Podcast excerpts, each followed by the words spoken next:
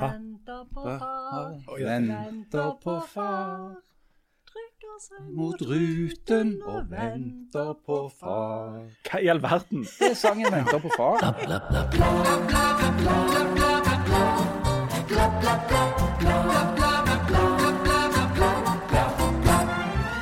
Rogaland er grønt! Hei! Vi har så å si ingen smitte. Det er bare å sprette champagnen. Og det er bare å telle ned til vi blir truffet av den britiske mutantviruset. Så blir alt stengt ned, ingen får reise til Syden, og alle dør alene foran fjernsynet. Memento mori.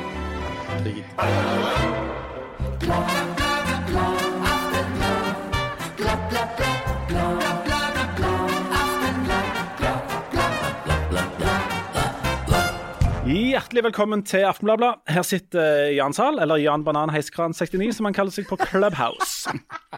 Her sitter òg viruset fra Våland, Galeiens uh, gallionsfigur, kommentator Harald Birkevold. Og sist, og desidert minst, professor Janne Stigen Drangsholt, den såkalte Sandnes-mutanten. Velkommen. Du ser liten og uskyldig ut, men når piggene kommer ut, ei, ei, ei. Run for the hills. Eh, mitt navn er Leif Tor Lindø. Eller som vaksinemotstanderne kaller meg, Pfizers og Bill Gates sin talsmann. Velkommen til dere òg, uansett hva dere mener om det. Uh, Janne, kan du si tre positive ting om tilværelsen akkurat nå? Er det ett ord, eller er det tre setninger? Det er eller? tre ting som uh, Tre ting ofte som Ok, bra. tre ting som jeg setter pris på. Jeg har klart hvite uh, kvelder uh, i mandag og tirsdag. Oi, Det er positivt. ja, det er bra. I dag tror jeg det kommer til å ryke. I dag er det jo onsdag. Ja, det er onsdag Det er i dag. lørdag. Det er lille lørdag. Det er lille lørdag. Det er praktisk talt helg. Eh, det er én ting Å, herlighet, dette kommer til å ta veldig du, tid. er du fremdeles med i den komiteen som vi ikke kan snakke om? Ja, den komiteen jeg Ja, er med i. og der går det greit? Er det en bra ting? Eh, Nei, Nei, det er det ikke. Det er ikke... Eh, prr, Vet du hva, Jeg kan hjelpe deg. Du er fremdeles i live. Ja, jeg lever. Ja. Eh, og eh, i dag så har jeg tatt på meg skjørt fordi jeg, først fordi jeg skulle i Teams-møte, og så fordi jeg skulle treffe dere. Det er jo ingen som ser skjørtet på Teams. Nei, jeg vet det, så jeg følte meg veldig dum, men nå føler jeg jeg har Ja, nå har eh, vi sett, det, og det er et ja, kjempefint ja, takk, Janne. Takk. Virkelig. Ja, så dette, da eh, Det er vel de tre tingene som Du kler deg alltid så fint. Du. Du Birkevold, du er altså eh, du er så glad i Janne sine klær at det nesten begynner å bli suspekt. altså.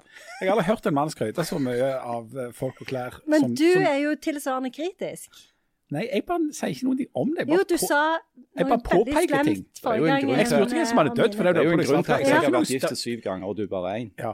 Det, er ikke, det er ikke stygt å spørre hvem som har dødd når du går i, i helsvart, og ikke spiller eh, og ikke er Johnny Cash. Ja, det er jo ikke, det er jo ikke kjempefine ting å si heller, da. Å nei. Nei, det er jo For jeg kommenterte jo på at genseren din var kjempefin, og fin blåfarge. Ja, det var den jeg har tatt av. Ja, Ja, han hadde ikke, han hadde ikke klart å også. kompliment om livet hans sto på spill. Det er sant. I dag konstaterer jeg at du har et svart skjørt, men jeg legger ikke noe i det, noe sånn normativt eller bedømmende over det. Men Ja, så ser hadde jeg du at du er drept på deg deg og si at det var fint? Jeg syns det var fint. Ja, jeg synes det var fint, men du er på deg en småblomstrete bluse, legger jeg merke til. Men i ikke, ikke i vårens farger, men Nei. litt sånn en, mose. Ja, det er derfor den kan brukes om vinteren. For jeg Det har er jo en svart båndfarge her, Ja, og, det er der, veldig derfor så kan du ha den om vinteren selv om det er en bluse. Og for de som skulle Mm. være interessert, Harald har på seg noe gammelt strikkerask, sånn som han hadde sist uke. Stemmer det. stemmer det. Jeg har på meg en uh, Marius-jumper. Det, dette er ukens uh, jumper for min del. Ja, Veldig fint. Ja, for det, vi må kunne avsløre at ifra disse møtene vi har i vår avdeling, i kulturavdelingen i Aftenbladet, så, så sitter vi og ser på hverandre. Og jeg la merke til at du har jo hatt på deg ukens genser fra forrige uke, inkludert fram til i dag morges. Ja. Så når er det du Er det klokka tolv på onsdag at det starter en ny uke Da for, er det for, skifte. for deg og genseren din? Ja, eh, det, er når, det er jo når jeg får beskjed I dag skjedde det som ofte skjer, det er at mor mi og hun jeg er gift med for øyeblikket, i sammen foreslo at jeg skulle ta på meg en annen genser, og da gjør jeg jo det. Hvordan er det du bor i en sånn stor familie der du har både mor di og kona di og ungene dine? Er det noen flere slektninger som bor i det huset? Ja, vi har jo tante Kari. og så har vi en eh, i kjelleren som ikke er helt sikre på hvordan kom inn i bildet. Nei, vi har ikke det. Men, men det er de som bestemmer hvordan, eh, hvordan jeg kler meg. Forresten, vi har fått en del tilbakemeldinger fra sist, eh, og de fleste er kjeft i min retning. I, i, når vi snakket om den, dette konseptet ukas genser, så sa jeg at denne jumperen har mor mi strukket. Eh, og der har jeg fått uh, to beskjeder om at det heter ikke strukket, men det heter strikt. Uh, og, det, og der må jeg jo bare legge meg flat for um, Jeg tolker det som at du, at du bevisst brukte det norske språket og herja med det. Ja, jeg trodde det, at det Jeg var litt trodde òg gøy. det, at du Ja. gjorde gjorde Og over. Det, det var en slags dårlig spøk, og, og, og dette er en gjenganger i tilbakemeldingene. For jeg, jeg kan òg ha kommet til å si at Grete Kausland sang den der sangen om himmelens korrekturflass over mislykket, eh, feilstavet sommer. Og der har jeg fått òg ganske Alle vet jo at det var Lill Babs. Jeg har fått ganske mange tilbakemeldinger om at uh, jeg burde vite at dette var Lille Babs.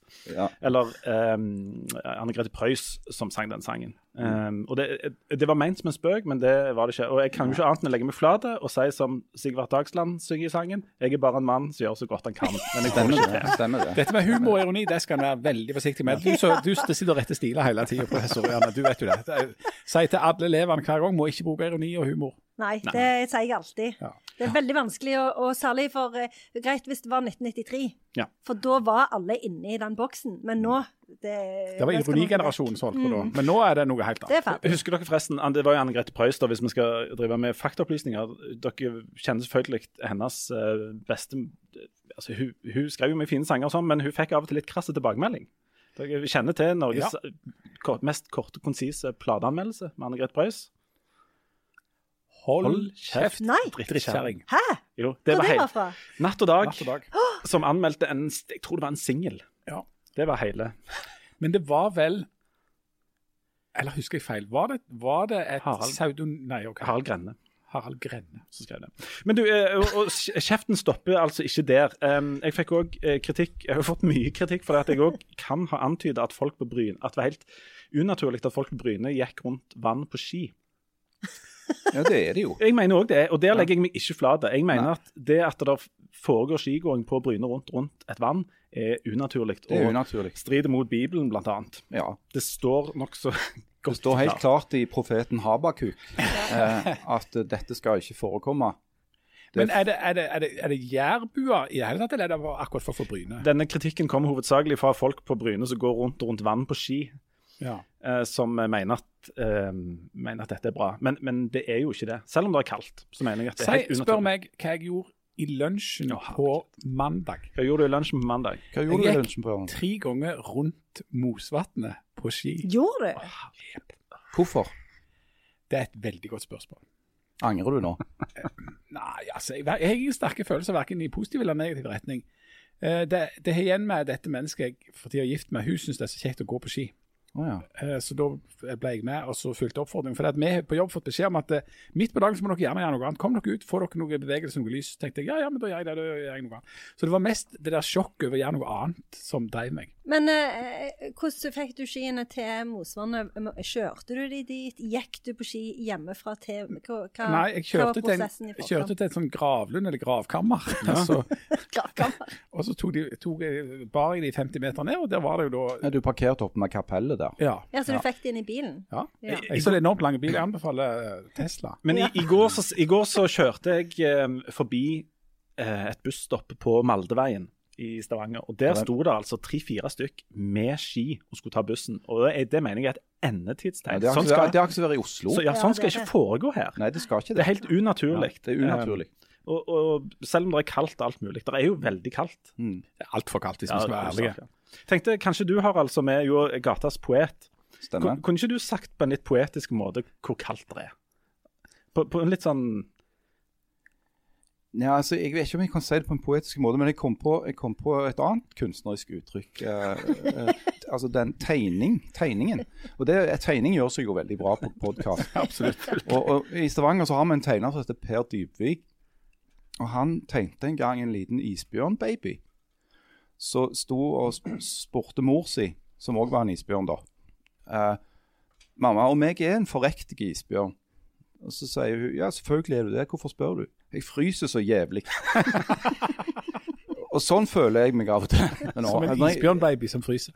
ja, jeg gikk ut f.eks. for eksempel i dag for å gjøre et eller annet utendørs, og så innså jeg at det var Jeg ble sånn, det fikk sånn vondt på ørene. Ja. Altså oppå, oppå ørene. Og det er jeg ikke vant til med å ha i Stavanger. Det er sånn som jeg har når jeg er gjerne på hytta eller noe. Men nå er det sånn her. Jeg legger meg flat for all kritikk vi har fått, men for dette, denne kritikken mot Det er vel det er helst du som har fått den, siden nå, Du sa jo vi, Ja. men det var jo Eh, helst du.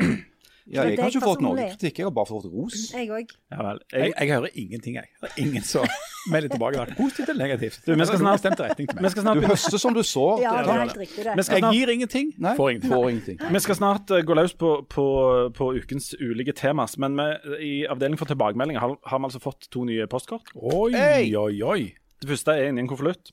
Der står det Aftenbladet, og så står det Nykirkebakken 2. Uh, og det er helt svart. Ser dere det? En Black, Ja. black album. Det er litt kun, kunstnerisk. Ja. Black Ja, Post. det er litt sånn som Janne. Ja. ja.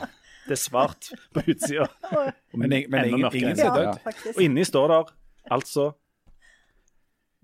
Gull, podkast, terningkast seks. Og så står det bare 'Hilsen fra Haugesund'. Fantastisk. Dette at, vi, dette at vi sprenger kommunegrensene, det syns jeg Ja, er utrolig storveis og så flott. Mm. Og så har vi fått et annet. Vi eh, knytter fylket sammen. Ja. Ikke bare fylket. Vet du hva er den nest største byen på lyttere? Ja. Oslo. Oslo. Er det sånn? Det er Hva er det største? Er det Stavanger? flest som hører på oss i Stavanger, og nest flest i Oslo. Det er stas. vi har fått et postkort til, som er bilde av okay, Det er en ventil. eh, Det er en sånn brannventil. Ja. Og, og dette er altså vi, vi sa jo sist at vi skulle avsløre hvem det er som snakker i denne introen vår. Og der har vi fått en del, eh, en del svar. Vi har bl.a. fått eh, Jeg har notert et par av de. Geir Meltveit har eh, Hvem er det? Ja, det er Geir Meltveit. Oh, ja, han mente det, det er han som foreslår. Det var, det var ikke noen som trodde det var Nei, nei, nei. nei, nei, okay, nei. ja. Og, og om han er, er født Meltveit eller ikke Meltveit, det vet jeg ikke. Han, eh, han eh, skriver 'takk for kjempefin podkast'. Fin, fin gjeng, balansert ubalanse. Min favoritt, kolon, alle. Det syns jeg var flott. Det var veldig. Um, og han har helt rett når han tipper hvem det er. Og det er det altså flere som har. Blant annet den som skriver dette postkortet. Eh, han skriver hadde vært stas å se Bladblad på nært hold. ja, for det at vi har sagt at den som vinner, skal få komme og være med. Og, og, og være med. Har det. Ja. Eh, og vedkommende har da uh, tippet hvem det er som har, hvem det er som snakker. Og Og hvem har han tippet? hvem har tippet? Han har tippet, og dette her er det er en litt spesiell måte å svare på, men jeg falt fullstendig for denne. Han har tippet at de, de eller den som snakker i introen der, er Morten Abel eller Thomas Dybdahl eller Kristian Valen, Mia Gundersen, Erik Thorsvedt, Jan Eggum, Per Inge Torkelsen, Ole Klemetsen, Frode Olsen, Mimme Kristiansson, Bent Høie, Sigvald Dagsland, Jørgen Langhelle, Johannes Joner, Jan Simonsen, Kjartan Salvesen, Brynjar Meling, Egil Østenstad, Tore Renberg, Brede Hangeland, Charles Tjessem, Hallgeir Langeland, Bjørn Måseid, Aslak Sira Myhre, Odd Karsten Tveit, Jon Skien, Truls Mørk, Bjørn Berntsen, Vegard Hoel, Per Ravn Omdal, eh, Per Fugelli, Jan Stingen Drangsholt, Leif Tore Linde, Harald Birkvold, Pia Tjelta, Steinar Lyse, Jan Zahl, Sally Nilsson, Pål Jackman, Egil Birkeland, eh, Jon Erik Kåda, Leif Nilsen, Bjørn Eidsvåg, eh, Alexander Kristoff, Lars Oftedal, Svein Tang Bra eller Kristoffer Joner. Og det er jo helt rett! Det er helt Det er faktisk helt rett. rett. Ja. Men, men jeg reagerer veldig sterkt på Jan Eggum. Ja, det gjør jeg òg, men noen feil må vi ta. Men Det- han er jo litt sånn Stavanger-venn. ja. Men, Men det er han er altså, jo fanden tute meg ikke fra Nei, det er han jo ikke. men mannen har jo helt rett, det er Kristoffer Joner. Det er Kristoffer Ja, Joner. Ja. Um, Men var det mange som hadde gjettet det? Det er flere. Ja, um, men jeg, falt for postkortet. Ja, det var veldig, veldig og, um, så Terje Høiland, hvem du nå er der ute, vi skal ta kontakt med deg, så skal vi se om vi ikke kan få hanka deg inn på et eller annet vis. Um, Og Skal vi, vi, vi kan fortelle historien om det. for det, det, det, det er noen sånne som lager sånn lydgreier som skulle lage dette. her. Og så var visstnok Kristoffer Joner da innom det studioet akkurat når de holdt på med det. Og så, var det, så spurte han bare du, kan, kan du bare komme inn og så si bla, bla. Eller si det der greiene der. Ja, greit, det. Så gikk han inn og sa det. Så gikk han ut. Det er sånn han opererer. Sånn opererer han. Ja. Det er nydelig, syns jeg. ja, det, det er helt strålende. Um, vi har også fått, det det er òg en som har sendt det, ikke svart på oppgaven, men svart på en annen oppgave. Eh, Egil Hagir, som sier at vignettmelodien vår eh, mener han stammer fra et Anne-Cath. Herland-humorserie fra ca. 20 år siden. Hæ? Som heter Bla, bla, bla. Husker du ikke det? Nei. Nei, var det hun? Var det bare hun som var programleder for det? Ja, Vi lurer på om Geir Skau var med, eller et eller annet. Ja, det, det demrer for meg at det var noe bla, bla, bla med hun og Geir Skau, ja. Det skal vi, det skal vi selvfølgelig, um, selvfølgelig sjekke. Um, men altså, Terje Høiland, vi tar uh, kontakt med deg. Uh, ok, Er dere klare til å gå løs på dagens uh, forskjellige temas? Jøss, navn, ja. Kom igjen. Vi skal jo selvfølgelig være med Harald ut på galeien en, i en slags bonusepisode litt senere, men vi sparer det litt. Grann. Ehm, skal vi, vi begynne litt i nærområdet her. Kvernland Kverneland vil ha bystatus, og Ålgård vurderer å få bystatus. Hva i all verden er vitsen med det? Altså Ålgård er jo tre rundkjøringer og en legepark, mens Kverneland er en fabrikk. Hva skal de med bystatus, Harald? Nei, det undrer meg. Eh, og så lurte jeg på om det var sånn at det, er, det opp til det stedet som vil bli by, å bare si at nå er vi by, eller er det noen andre som må vurdere om F.eks. så har jo Bryne blitt by. Etter knallhard debatt og med knappest mulig flertall. for ganske Ja, mange og jeg kan ikke begripe uh, hvorfor Bryne skal være en by. Det må jeg bare si. Men uh, Jørpeland er en by, Skudeneshavn er en by. Uh, rundkjøringen i Vikevåg er en by. Altså, Hvor er det vi skal sette grensen Men hva er det som skjer Altså, hvis du, når du blir definert som en by? Jeg vet ikke om jeg er helt inne i dette. Altså, hva er du, er, du er Før det så er du et tettsted, eller Ja. en landsby, eller en, en kohort? Tilfeldig ansamling av hus. ja. Men jeg tror, du, jeg tror det er et tettsted, og så er bystatus noe du søker om, så vidt jeg har forstått. Men hva, hva innebærer det egentlig, bortsett fra gleden av å kunne kalle seg en by, da? Eh, Ikke så veldig mye, tror jeg. Jeg tror ikke du får Jeg tror ikke du får på en måte uh, en positivist, eller uh, noe sånt. Jeg, jeg tror bare du får den statusen som by. Og så Da tiltrekker du deg jo ingenting. altså. Vet ikke hva du tiltrekker deg. Jeg synes at så langt dette spørsmålet og disse svarene bærer voldsomt preg av hvor voldsomt god research vi har gjort på dette, for vi aner altså Ikke dette. Jamel. Men hva med å heller slå sammen Kverneland og Ålgård? Da må du jo dytte, da må du jo dytte de voldsomt Åleland. på en måte Trenger ikke å ligge ved siden av hverandre for å slå de sammen. Nei. Det er jo faktisk norske kommuner som er blitt slått sammen, som ikke henger Ja. sammen i det hele tatt. Det syns jeg er en mye bedre idé. Å slå sammen Kverneland og Ålgård. Hva oppnår du da, Janne? Da har du slått de sammen. Ja. Du slår de sammen til Kverngård. Åleland. Så får du både den der eh, Eller den, den broa ligger kanskje på Orstad. Orstad er kanskje Det er en by. ikke Eller Nå må vi bare, må vi bare be om tilgivelse til alle folk som ikke er inne i sånn lokalgeografien akkurat rundt ja, Orstad. Orstad. Nei, si Forseikela. blir by, da. Ja. Ja. Nei, vet du hva. Jeg tror ikke vi kommer Nei, jeg tror ikke vi- synes noe dette, annet. Nå jeg synes dette er veldig sånn mystisk. Et mystisk eh, område av, av samfunnsdebatten, det der med det hva som er Ja. en by. Ja. Men altså, Rogaland har da ti byer. Kan dere ramse opp de? Ja. Bryne. Stavanger, Ja. Sandnes, Ja. Haugesund, Ja. Egersund, Ja. Skudeneshavn, Ja. Jørpeland, Ja. Sauda. Ja. Eh, hvor langt har vi kommet? Eh, åtte. Uh, Kopervik. Ja. Og uh, ja, Åkrehamn. Åkerhamn. Sorry. Åkerhamn. Alt Ja. Hæ? ja. Ja. Så imponerende. Og minst en eh, tre-fire av disse er eh, mye mindre enn uh, Hummersåk, bare så det er sagt. Okay. Hvorfor er ikke Hummersåk by? Homsåk er jo i Ja, det er en del av Sandnes. En del av Sandnes, ja. den bydelen.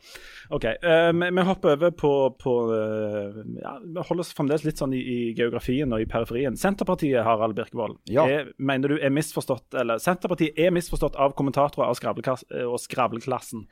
Dette ifølge kommentator og elevrådsrepresentant for skravleklassen, Harald Birkevold. Har Harald rett, Jan?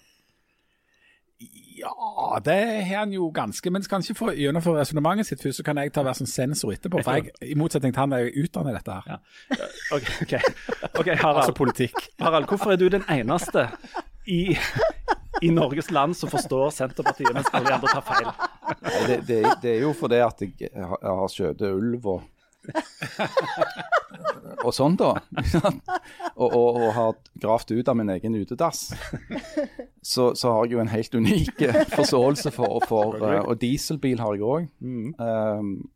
så nei, er, alvorlig talt så mener jeg at eh, den der litt sånn hatske og paniske stemningen som har, har slått rot i det norske kommentariatet, er litt sånn trist å se på. Særlig fordi at som kommentator så syns jeg det er kjedelig når alle mener det samme. Men Og- du, er det en hatsk tone mot Senterpartiet blant masse kommentatorer? Absolutt. Jeg amen. kommer med noen eksempel. Hva det, hva det betyr? Ja, jeg, Det var noe jeg lurte på når jeg satt og skrev dette og diskuterte med et par folk jeg snakket med i forkant òg. Burde jeg liksom nevne navn? Burde jeg, burde jeg sette bjellen på katten og si at den og den kommentatoren eh, har eh, en litt sånn der eh, makkskrikerske tone nå? Eh, og det burde jeg kanskje gjort. Eh, samtidig så vet jo jeg, med den erfaringen jeg har, at så snart du begynner å nevne navn, så dreier det seg om person og ikke sak. Og så har du det gående. Men, men ja, Du trenger ikke ta personer, men hva er det sakene går på? Altså, Hva er det som er det hatske? Eller hva er altså, det det, som er det, det er jo at? Senterpartiet, sånn som Senterpartiet argumenterer og framstår med Vedum og alle de andre, er, veldig, er en sånn rød klut på den der konsensusorienterte banden som kaller seg for kommentatorer i store norske medier. De er stort sett like, og de er stort sett enige. Uh, og de vil ha et uh, sosialliberalt, eh, globalisert, åpent samfunn med mm, all slags kjekt og caffè latte og sånn. Og så sitter det altså en masse folk i distriktene, men ikke, ikke bare i distriktene, òg i de store byene nå, og tenker at det idealsamfunnet som blir beskrevet den virkeligheten som blir beskrevet av norske kommentatorer, ikke stemmer med den praktiske virkeligheten de ser rundt seg. Uh, og Det er en haug med eksempler på dette. Altså, rovdyrdebatten er en klassiker. Altså det, det, er veldig vanskelig for folk som bor i Distrikts-Norge, der som de faktisk har ulv, og som driver i primærnæringene, f.eks. med beitedyr, uh, å ha den samme omsorgen for ulv som du kan ha hvis du ikke har en sånn jobb. Eh, det er vanskelig for folk i distriktene som er avhengige, fullstendig avhengige av bilen, å forstå denne voldsomme motstanden mot diesel og piggdekk, hvis du bor på et sted hvor du ikke klarer deg uten diesel og piggdekk. Eh, og jeg tenker at dette er en sånn der, det er en sånn tusen nålestikk. Det er en konstante påminnelse for folk som bor litt utenfor de store bysentrene, som har litt andre jobber, har et litt annet verdisett, om at deres måte å leve på er annenrangs og til dels direkte eh, problematiske. Eh, og Det verdensbildet får de på en måte hamra inn gjennom mediene.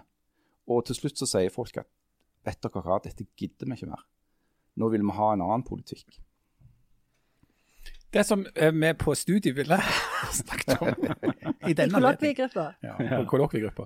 Dette er jo klassisk sentrum-periferi-politikk. Eh, Sentrum-periferi-konflikt som er ekstremt uttalt i Norge, og som jeg tror at Harald helt rett i at blir er at er det, og jeg tror jeg kan føle at det blir stadig sterkere. Altså, det blir stadig lenger ifra Oslo og til både andre norske byer, og ikke minst ifra Oslo og ut i andre områder. Det er noe som eh, Senterpartiet har visst å spille på, og klarer å, de klarer jo å male fram et bilde av at disse som sitter i Oslo, de driver og kjører rundt på sånn elsparkesykkel og drikker kaffe latte og er sånn skjevt løyhår og, rare jobber. og, og og ja, er opptatt av, av, helt andre ting enn det som vanlige folk er opptatt av. Det er jo på en måte noe av Senterpartiets suksess at de har klart å, å løfte det opp. Eh, det, det, jeg mener at det illustrerer noe av, av Arbeiderpartiet sitt problem, eller av de partiene som sitter og styrer i Oslo sitt problem. For det at de blir veldig fort oppfattet sånn. sant? Altså Oslo er en veldig annerledes by. og Jeg har ikke bodd i Oslo i ti år, men når jeg har vært tilbake, nå er det jo lenge siden jeg var der sist, men de siste gangene jeg har vært tilbake, så føler jeg mer og mer at dette er en egen planet. En helt, det er en annen plass i Norge. Mm. De har andre problem enn andre plasser i Norge, og andre situasjoner enn andre plasser i Norge. Um, så er det vanvittig usentralt. Så er det vanvittig usentralt. Det kunne vært interessant å ha hytta der. Ligger knede til. Ligger knede, knede til, Men av og til godt klima. Men det har jo fått stadig dårligere klima. Men Det som jeg, det som jeg går merker Jan, når jeg skriver sånne saker som dette, for det er jo ikke første gang jeg har gjort det, det er jo at du Det, det blir jo mye kommentert og delt. Uh, og det blir det altså fordeler seg jo veldig greit. Det er enten helt enig, kjempebra, mm. eller herregud, for en dust. Ja.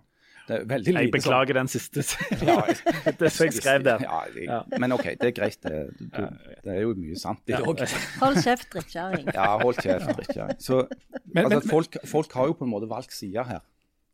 Ja, men det er ingen ja. side som en velger for alltid og evig. og det er, det er jo stadig eh, fluktuasjon. Det er noe som på en måte reflekterer seg da i, i meningsmålinger som går opp og ned. Mm. Det er f.eks. nå for tida enormt langt fra Oslo tilsynelatende til eh, norske oljerørledninger og installasjoner. og eh, eh, leverandørindustri, altså det som, vi, som for en stor del vi lever av, og som har bygd opp eh, rett og slett oljefondet som vi skal leve av, av framover, det er i ferd med å bli et kjempeproblem for Arbeiderpartiet. Eh, fordi at eh, Når AUF snakker om, og andre partier i Oslo snakker om at en skal avskaffe eh, oljebransjen innen 2025 eller 2030, så får du et jækla problem når du kommer ut i landet der olja er og skal snakke om dette. Det er stadig lenger til distriktene der, om det går ulv der. altså Det er veldig langt fra Grünerløkka til den nærmeste ulven og den nærmeste saueflokken. Og det er veldig langt til det nærmeste lokalsykehuset som blir lagt ned, eh, om det er i Kristiansund eller Molde eller i Nord-Norge eller hvor det nå er henne. Mm, eller den såkalte nærpolitireformen som har ført til at politiet er fjernere enn det har vært noen gang. Ja, det er det kjempelangt til. Samtidig så har Oslo en, en helt annen eh, etniske sammensetning enn alle andre byer. Det er en mye, mye større eh, innvandrerbefolkning. Eh, så det er en mye mer mangfoldig og, og multietnisk by med, med de på en måte eh, altså, berikelsene og, og, og utfordringene som ligger der, altså f.eks. integrering, fattigdomsproblematikk, storbyproblematikk, de er et helt annet trafikkbilde. fordi at det er jækla mye folk som bor på, på liten plass, som gjør at en rushtidsproblematikk, altså hvordan skal du løse at folk skal transporteres ut og inn? Da, da blir på en måte T-bane og, og, og, bomringer noe helt annet enn hvis du bor i Finnmark. Så de, de, de holder på med helt andre ting. Du, dere, du har nevnt nærpolitireformen og med lensmann og sånt. Lensmann uh, fins jo ikke Lensperson. Lensperson uh, er tatt over for lensmann. Og, og uh, det er flere sånne titler som, uh, med Ja. mann i som forsvinner. Um, fylkesmannen er vekke. Statsforvalter, heter det nå. ja. Er det sånn, uh, Janne, tror du at Mandal for eksempel, bør frykte for navnet sitt nå? Ja. Og hva er, hva er hensikten med å fjerne mann, altså disse kjønnsbetegnelsene fra sånne navn? Nei, det er jo fordi at det, det, en bør ha eh, nøytrale benevnelser på eh, sånne jobber. Eh, det er jo akkurat som brannmann og postmann og grønne mann. Hva heter brannmann nå? Brannkonstabel har jeg sagt i alle de år. Du Det kan ikke være så sånn vanskelig. konstabel. Ja. Ja. Men er det Synes jeg jeg syns ikke det er så veldig problematisk. Jeg skjønner ikke hvorfor det skal være fylkesmann. Nei, argumentet er vel at det har vært det før. Ja, da var det jo en mann. Jeg syns det var helt greit å, å skifte til, til statsforvalter. Ja. Det funker, det. Ja. Eh, men det er jo noen så altså Du kan jo alltid sette uh, dette såpass på spissen at det blir parodisk. Uh, men stort sett så syns jeg det er helt uh, på sin plass at en slutter med sånne kjønnslada yrkesbetegnelser eh, når det ikke er noe behov for det. Jeg hørte en gang, eh, et språkmenneske som argumenterte for å bevare dem, og da var argumentasjonen at denne mann-endelsen kommer fra noe mader, mader Ja, det betyr menneske. som betyr menneske. Eh, og som var liksom det eneste um, argumentet egentlig for å beholde det. Jeg husker Siv Jensen hun insisterte vel på å være formann, gjorde Ja. ikke det? På en nesten gammeldags måte i Ja. Fremskrittspartiet. Altså Ja. formennesket. Formenneske, ja.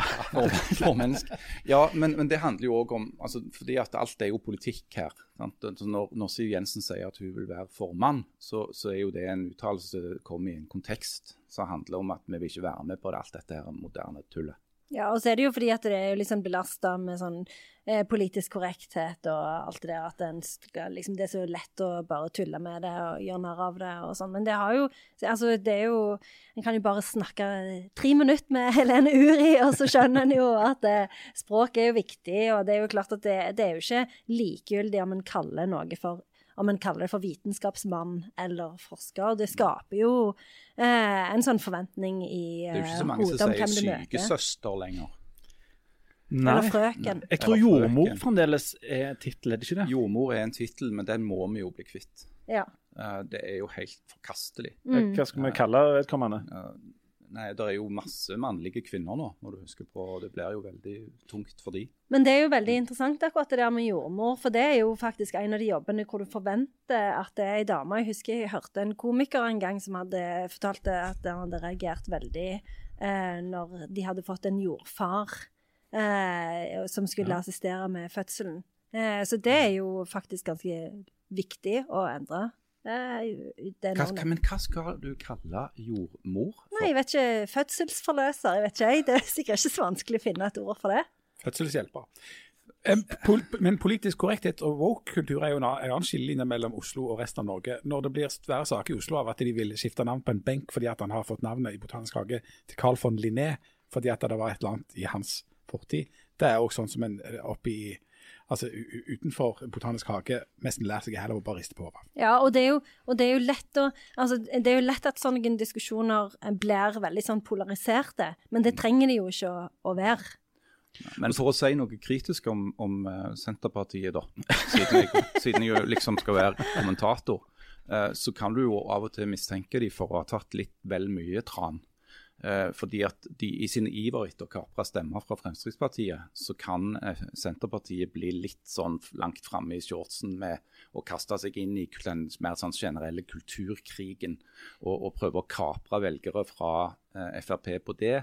Det samme i klimaspørsmålet, hvor Senterpartiet nå skal liksom ta de velgerne som er skeptiske til hele klimaspørsmålet, og, å, å, å lage seg en slags plattform der, det tror jeg ikke de vil tjene på på lang sikt. Eh, de vil tjene på å stå på vitenskapens side, tror jeg. Ja, for jeg hørte Vedum og Siv Jensen på eh, radioen i går i to eh, separate intervju, og da ble de intervjuet nettopp om Mm. eh, klimasaken, og de sa nesten ordrett det samme. og Det syns jeg er unødvendig av Senterpartiet å gjøre seg sjøl så dumme. Jeg leste i går en som skrev at vi husker når det gjelder det med å være politisk korrekt, at det, det er litt rart at det har blitt en, en sånn mi, stor minusting. Altså De som er politisk korrekte, det er jo De har jo gjerne rett.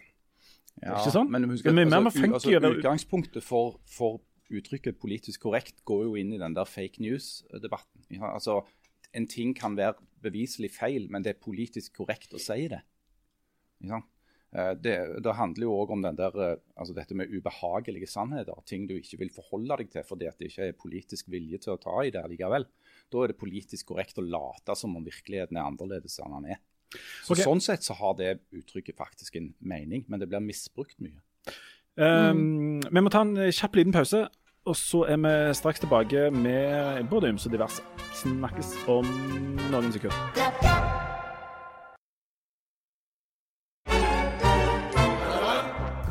Hjertelig velkommen tilbake til Aftenbladet. Um, vi må ta et, eh, et spørsmål fra en lytter eh, som skriver eh, Min mann forstyrrer meg ofte mens jeg teller masker. Noe som gjør at jeg får veldig lyst til å drepe han. Er dette straffbart? spør kvinne 39 fra Kjensvoll. Ja, om det er straffbart å drepe mannen, eller Ja, å har- forstyrre Nei, Hvis han har forstyrra mens hun teller masker, er det da straffbart å drepe han, eller er det formildende? Strikker du, Janne? Nei. Gjør ikke Altså, det? det vil jo uansett være straffbart, tenker jeg, å ta livet av For vi snakker jo om, det, om, om et forsettlig drap. Altså, du, du gjør det jo med vilje. Ja, men du ble provosert. Du blir provosert ja, så så det, til de det er ikke snakk grader, om at det ikke skal være straffbart, men at det eventuelt er formildende omstendigheter så du kan framføre i retten. Men det kommer an på om du får deg en god advokat, tror jeg. Altså, jeg vil vedkommende 39-åring fra Kjensvoll Ja. kanskje begynne på bokstaven T, eh, kunne gå løs på vedkommende med strikkepinnene? Er det, er, det, er det sagt noe om metode her? Nei, eh, nei, det vet jo ikke jeg noe om, men jeg vil, si, jeg vil anta at det har, kan ha blitt kasta strikkepinner. Ja, men er, ikke, er de som et spyd, da? Men har At du de prøvd- stående i øynene, eller? Jeg har jo opplevd faktisk denne situasjonen. Har dere prøvd å forstyrre noen som har kommet til 73 masker, f.eks.? Men om du gjør det med vilje, eller fordi du har så enormt lyst til å snakke med henne? Nei, jeg velger å si det siste. Ja. At det Jeg er har, jeg har gjort det der at, at du plutselig så sier, de sier, sitter og så teller sånn halvhøyt, og Ja. så, så begynner du å si sånn 72, 79, Åh, 52 herregud. 93. Eh, det er, derfor du har vært gift, det er derfor du har vært gift Ja, syv-åtte det, det er fall- forskjellige ganger. Ja, stemmer det. og Det blir ikke god stemning. Nei, det blir virkelig ikke det. ikke god stemning. Det blir kjempedårlig stemning. Jeg Men jeg, jeg, jeg vil ikke si at det, kan være, at det, at det er lov å drepe Nei. noen som forstyrrer deg når du Hva- Hva hva- med å få sånne klikkegreier sånn som de har på flyene? For det virker veldig effektivt, syns jeg. Når de teller passasjerer med sånn klikkegreier. Sånn, ja. Ja. Sånn, ja. Mm. Du, hva er det mest irriterende mannen din kan gjøre, eh, Janne? Hva er det du blir skikkelig uh, uronisk irritert Han svarer ikke ofte Ja. når jeg snakker med han. For jeg snakker hele tida. Og så av og Å, oh, no så, shit! av og til så legger jeg inn pauser, sånn at han skal få svare. Nei, det er dårlig Og gjort. komme med innspill. Ikke et ord. Ingenting. Men Nei, hva, er det, Og det irriterer deg. Det irriterer meg enormt. Av og til så svarer han meg, men ikke alltid. Eh, og når han ikke svarer meg, så blir jeg veldig, Det kan jo være at han bare irritert. filtrerer deg ut. Ja, han gjør jo det. Ja. Han gjør jo det. Men, Men eh, det Stiller du spørsmål, eller bare lager du sånne pauser der han må må liksom improvisere fram noe Eh, respons? Det er veldig sleipt å gjøre Ja, det. det er dårlig gjort. jeg, det er jo ikke det. Jo. det. Vi har jo en samtale. Nei, Nei, du sånn? snakker, og så hører han på. Eller Han gjør jo ikke. ikke det. Ja. Han hører ikke på. Det er hans lodd i livet.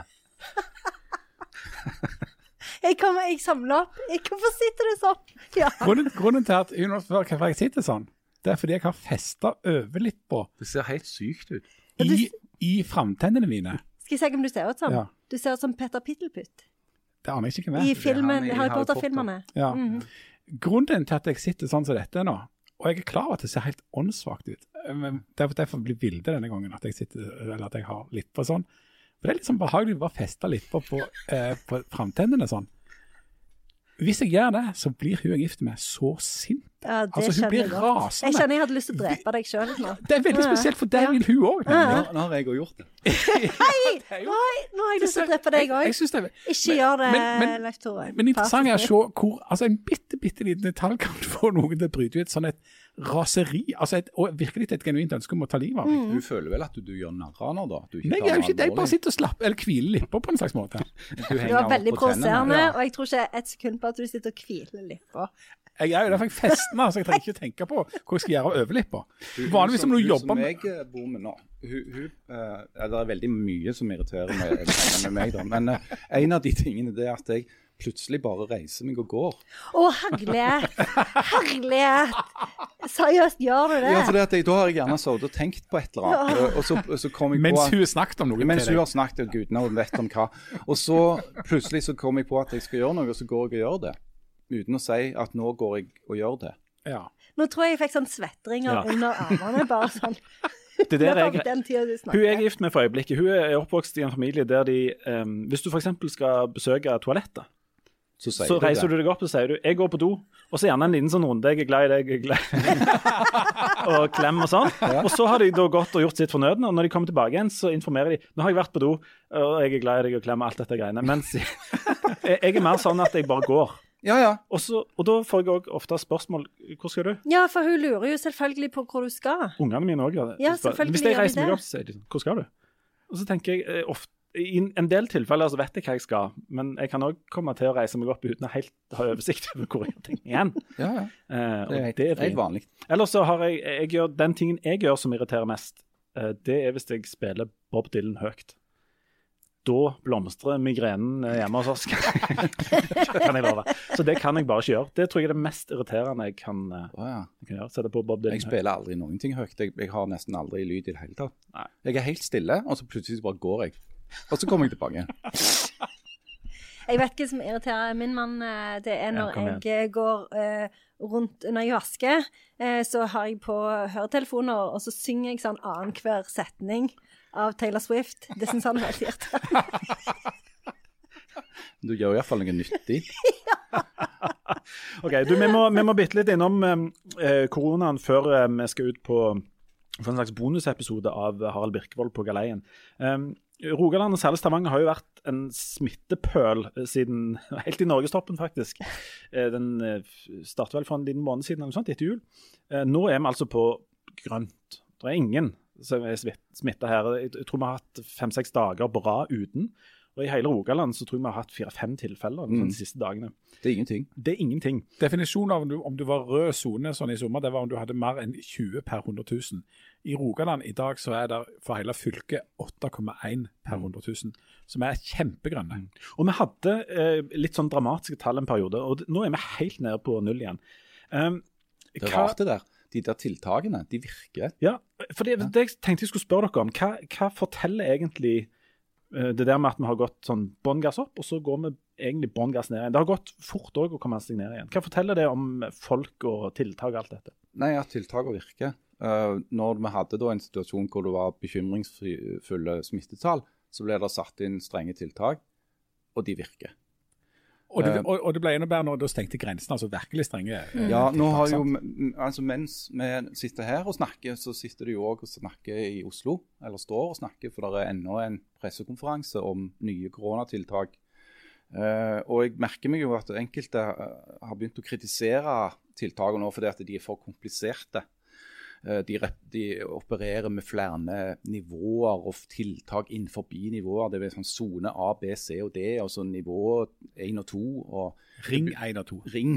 Altså, det begynner å bli ganske sånn eh, komplisert eh, materie det der, der å forholde seg til. Jeg, jeg tenker jo at en av de store fordelene med den norske koronastrategien, sånn som den har blitt formulert av myndighetene så langt, etter nå snart et år, det er at det stort sett har vært ganske sånn enkle og greie beskjeder.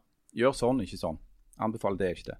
Det er klart, Hvis dette blir forvirrende for folk, så er det en fare for at motivasjonen for å etterleve disse tiltakene blir mindre. Jeg mener at vi er på en ekstremt forvirrende plass akkurat nå. Og at vi er på en veldig utfordrende eh, plass. I, eh, spesielt ta dette området. da, sant? Nå har det ikke vært en eneste, et eneste smittetilfelle i Stavanger kommune på seks dager. Det er nesten ingen smitte i Rogaland. Eh, vi er likevel i en situasjon der du f.eks. ikke er lov å krysse ei kommunegrense for å gå på konsert. Du kan krysse kommunegrenser for å gå på jobb, eller gå på Kvadrat, eller gå på Ikea, eller gå på restaurant. Det går helt fint. Men du kan f.eks. ikke krysse ei kommunegrense for å gå på en konsert.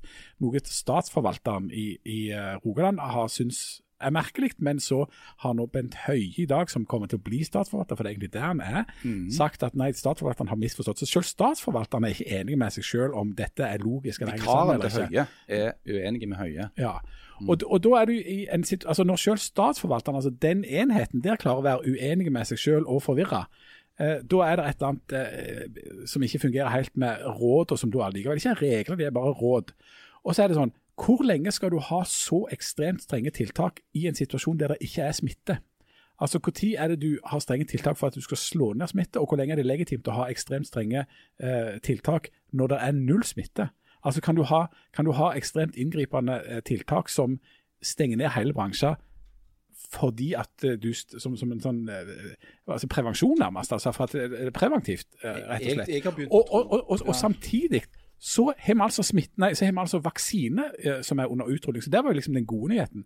Så det er null smitte, vaksine på gang, og de strengeste tiltakene noensinne. Men, men det er vel noe de eh, For det hørte jeg forrige uke, at det skal jo ikke være preventivt. At det er vel et, sånn et mål i seg sjøl at det ikke skal være. Men så er det vel sånn at en glemmer seg litt innimellom, sånn at det blir preventivt fordi det henger litt etter, på en måte. Jeg kan bare si det at nå har det jo, Mens vi spiller inn nå, så har det vært pressekonferanse igjen. Det er jo pressekonferanse i alle fall en gang til dagen med forskjellig. Ja. Um, og, og det som er sagt i dag, det er at uh, Folkehelseinstituttet um, de uh, mener at det bør innføres uh, lettelser for studenter, ungdommer og barn. Altså generelt og for, uh, for alle. Um, det er det ene. Det andre er at uh, grensene holdes stengt, og at det sannsynligvis kommer til å vare lenge. Um, og så eh, selvfølgelig eh, så har Høie sagt at eh, folk bør ikke reise til utlandet i vinterferien. Um, Eller påsken. Ja.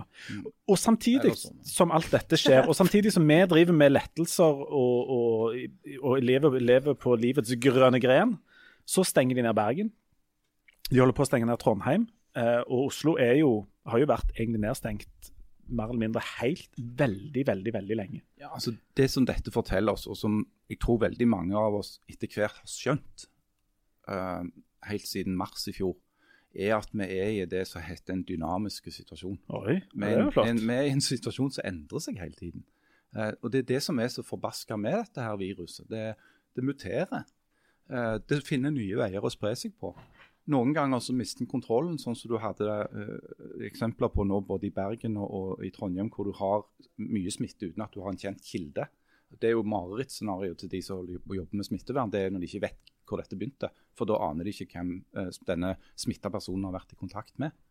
Og Det er naivt å tro at uh, det ikke vil skje i, vår region òg. Og Derfor så er det bra, tror jeg, at, at myndighetene ikke på en måte slipper helt opp for det om vi har en periode med lav smitte, for det kan snu. Eh, det som skjedde i forbindelse med jul og nyttår, var jo på en måte et varsla, eh, en varsla Ikke katastrofe, da, men det var, det var helt påregnelig at når en åpna opp for mer reising og mer kontakt i jul- og nyttårshelga, så ville det komme mer smitte. Det, det er enkel matematikk. Eh, og det kan skje igjen. Når vi nå får lettelser, så kan det plutselig oppstå. Det, det er ikke mer som skal til enn at det kommer én eller to personer med et eller annet sørafrikansk uh, mutasjon, og så har du det gående her òg. Jeg, jeg er litt, uh, nesten litt overraska over hvor eh, eh, Altså, de tallene som vi har nå, som null, uh, viser jo at folk egentlig er ekstremt disiplinerte og lojale til disse tiltakene. Det er ganske mange som skriker mot dem og er veldig øde, altså Det ødelegger for min bransje, det ødelegger for eh, mitt liv, og det ødelegger for sånn. Men eh, i rene tall så viser det jo at folk er ekstremt eh, De holder seg til reglene. Ja, og jeg så eh, på Twitter forrige uke, så var det ei eh, som hadde skrevet på engelsk at nå er jeg så lei av at folk liksom eh, sender, legger ut bilder på sosiale medier om at de er på reise hit og dit, og liksom eh, gjør masse greier som ikke er lov. Slutt med det, jeg kommer liksom til å defriende dere. Og da var jeg bare sånn Hæ, hva, hvor bor hun? Hva folk er det du du Hva slags utland er dette? Ja, nei, fordi det er jo eh, Jeg ble helt satt ut, for det har jo ikke vært et problem i det hele tatt her. Altså det er sånne småting eh, som folk har gjort. Jeg har jo tenkt på det sjøl. Tenk, tenk hvis, hvis jeg bare nå hadde bestemt, bestemt meg for at jeg er helt beng, bestilt en tur til Hellas, ned til Stavros der, så, så Janne kjenner godt. Og så plutselig satt der nede og delte en masse bilder på sosiale medier av meg sjøl og ei flaske Re- Retsina, og her er jeg på i vanskelien og, og sånn. Det hadde jo blitt et vanvittig spetakkel. ikke sant? Og det er vel det som holder de fleste fra å gjøre det.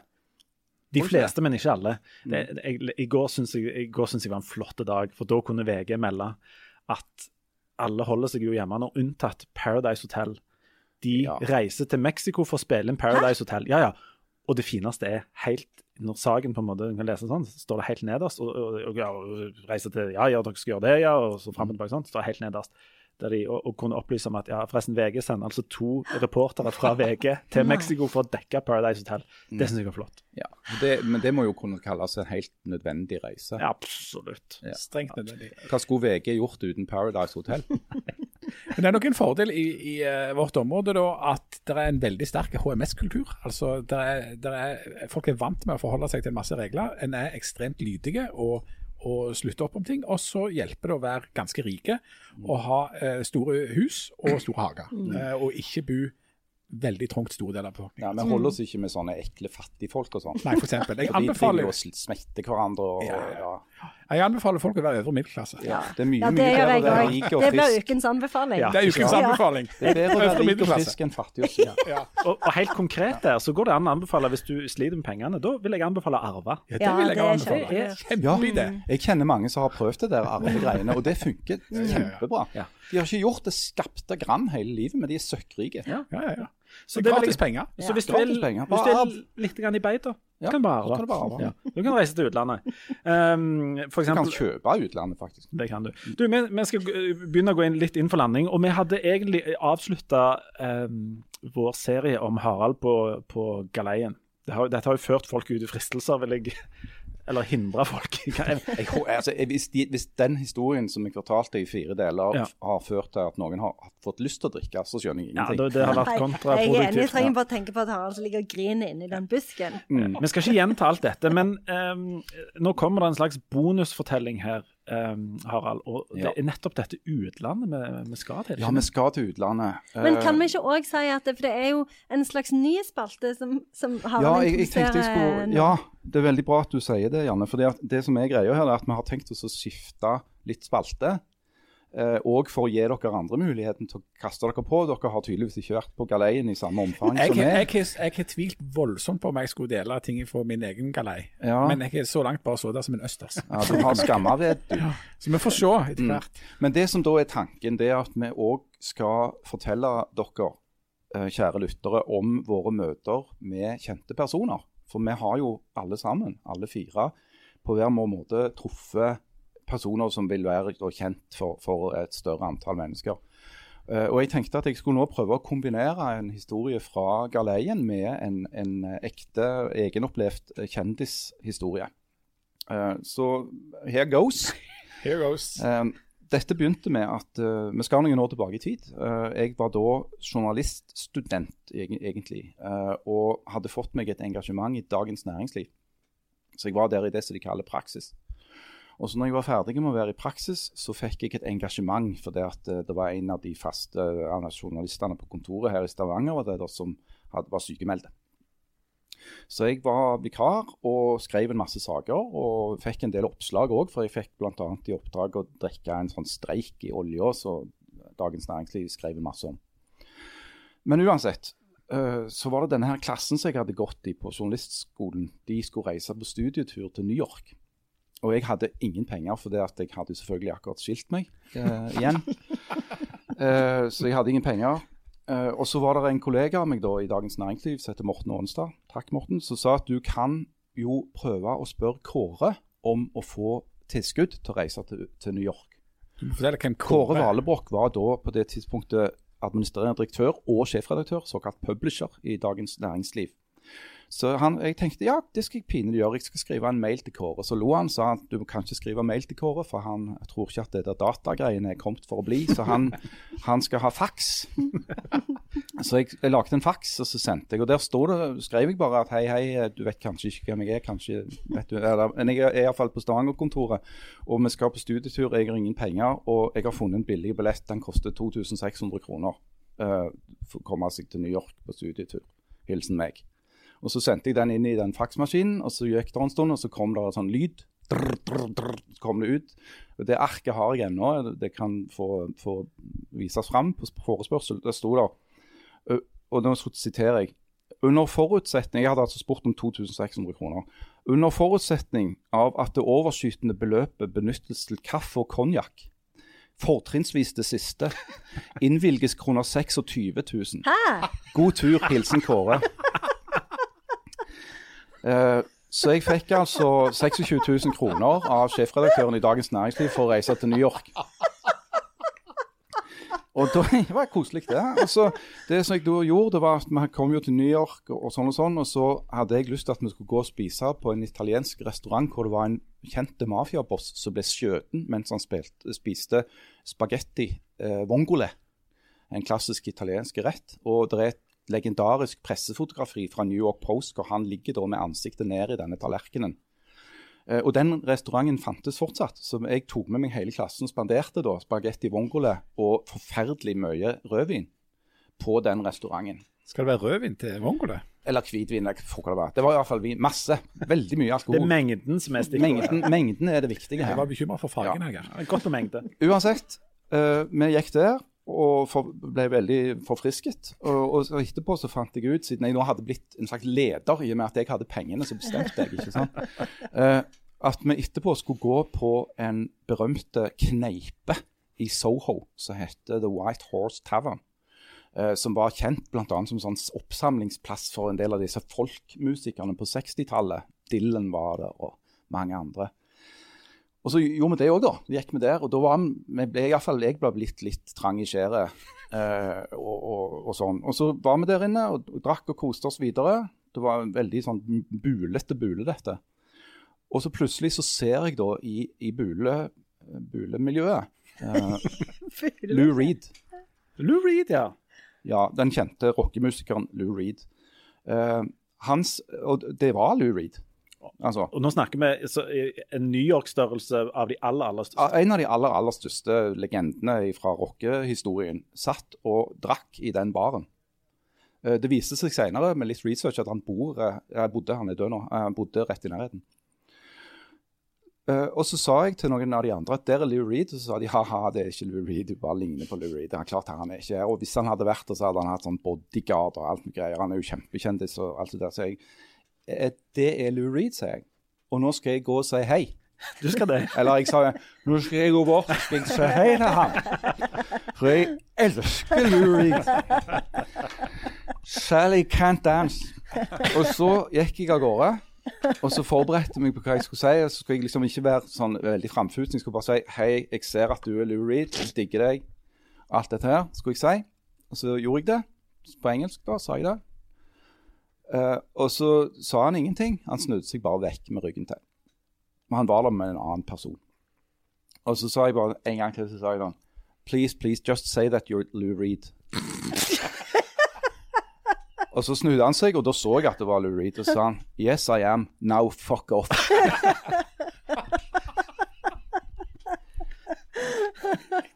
så det var mitt uh, det Jeg har altså snakket med Lou Reed da.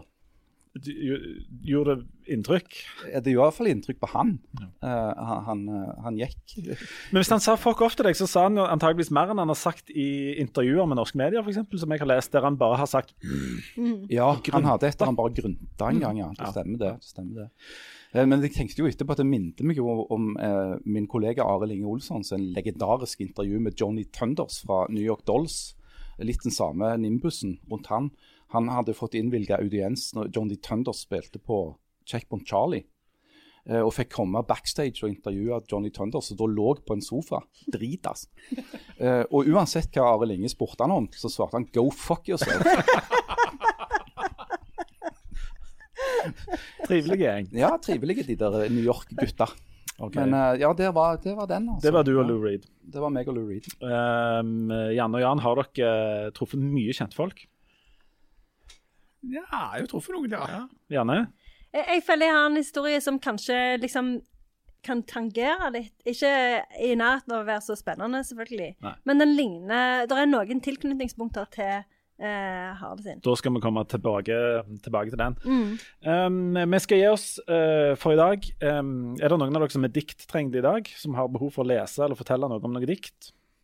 Nei, altså jeg har, jeg har en bekjentgjøring, eller en kunngjøring. Ja. Jeg kommer ikke til å fremføre et eget skrevet dikt. Jeg, jeg nøyer meg med Henoverens gledens bleke parabel. Jeg, jeg er ingen poet, og jeg ville gjøre skam på poesien ved å prøve å fremføre noe jeg har skrevet sjøl. Um, Dessuten var jo den veldig fin. Han var Eh, fin, og din ja. analyse var enda finere. Takk. Jeg anbefaler andre, så alle som ikke har hørt Janne sin diktanalyse, å spole tilbake en episode. Men altså, jeg har jo, jeg har analysert jo. Og herlighet, om du kan være så snill å Nå har du gjort det med avslappifisere tennene igjen. Ikke gjør det. Du ser helt åndas ut. Jeg analyserte òg det diktet! Jeg vil han der Du, vi, vi, vi skal avslutte med å si at hvis dere har Hvis dere har, hvis det er noen av dere som skriver Jan, dikt ta vekk de tennene. Å, herlighet, du ser ut som en sånn full Trond-Viggo. Dere skal få se bilder av dette. Hvis dere går inn på Instagram-profilen til Janne, blant annet, så skal dere få se bilder av Jan etterpå. Men eh, hør, hvis dere har, eh, hvis, dere har eh, hvis, det er noen av dere som skriver dikt, eller hvis dere har ris og ros eller ting dere vil vi skal ta opp, send oss gjerne et eh, postkort. Uh, Aftenbladet, postboks 229, eh, 4001 Stavanger. Eh, og så snakkes vi neste uke. Hvis dere vil se hvordan eh, Ikke, vi hvordan- snakkes ikke neste uke hvis Jan skal holde på med det der. Hvis Jan fortsetter med disse tennene, så kommer Janne til å ta livet av han, og Harald kommer til å hjelpe. Eh, jeg tror vi sier takk for i dag. Min anbefaling er å prøve å feste øyeblikket på framtennene. Bare la det la det henge der og hvile. Du har vært på hjemmekontor for lenge nå, Jan. Ok. Vi snakkes neste uke.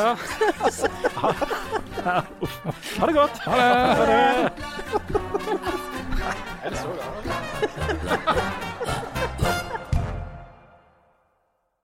Den jeg hadde tenkt å begynne på, var Pa, pappa, kom hjem, For vi lengter efter deg. Og så kan jeg ikke mer. Herlighet. Det er ingen i min familie som synger de sangene. Ingen som synger det. Så dere er det bare Herren er min Gud og Jesus, ingen er så som han. Det er litt sånn gladkristen. Tar de ja. sporvognen som går til himmelen, med Gud som sjåfør og. Jesus konduktør. Det går så lett, lett, lett når man er frelst, frelst, frelst. Ære være den som kjører. Hæ, den kan jeg ikke. Hva er det for noe? Kan du ikke sporvognen som går til himmelen? Nei. Det var jo før, altså på, på søndagsskolen, før de liksom fortalte om at du antageligvis kom til helvete. Så, Ja. så sang vi. For, for, for litt sånn få opp stemningen.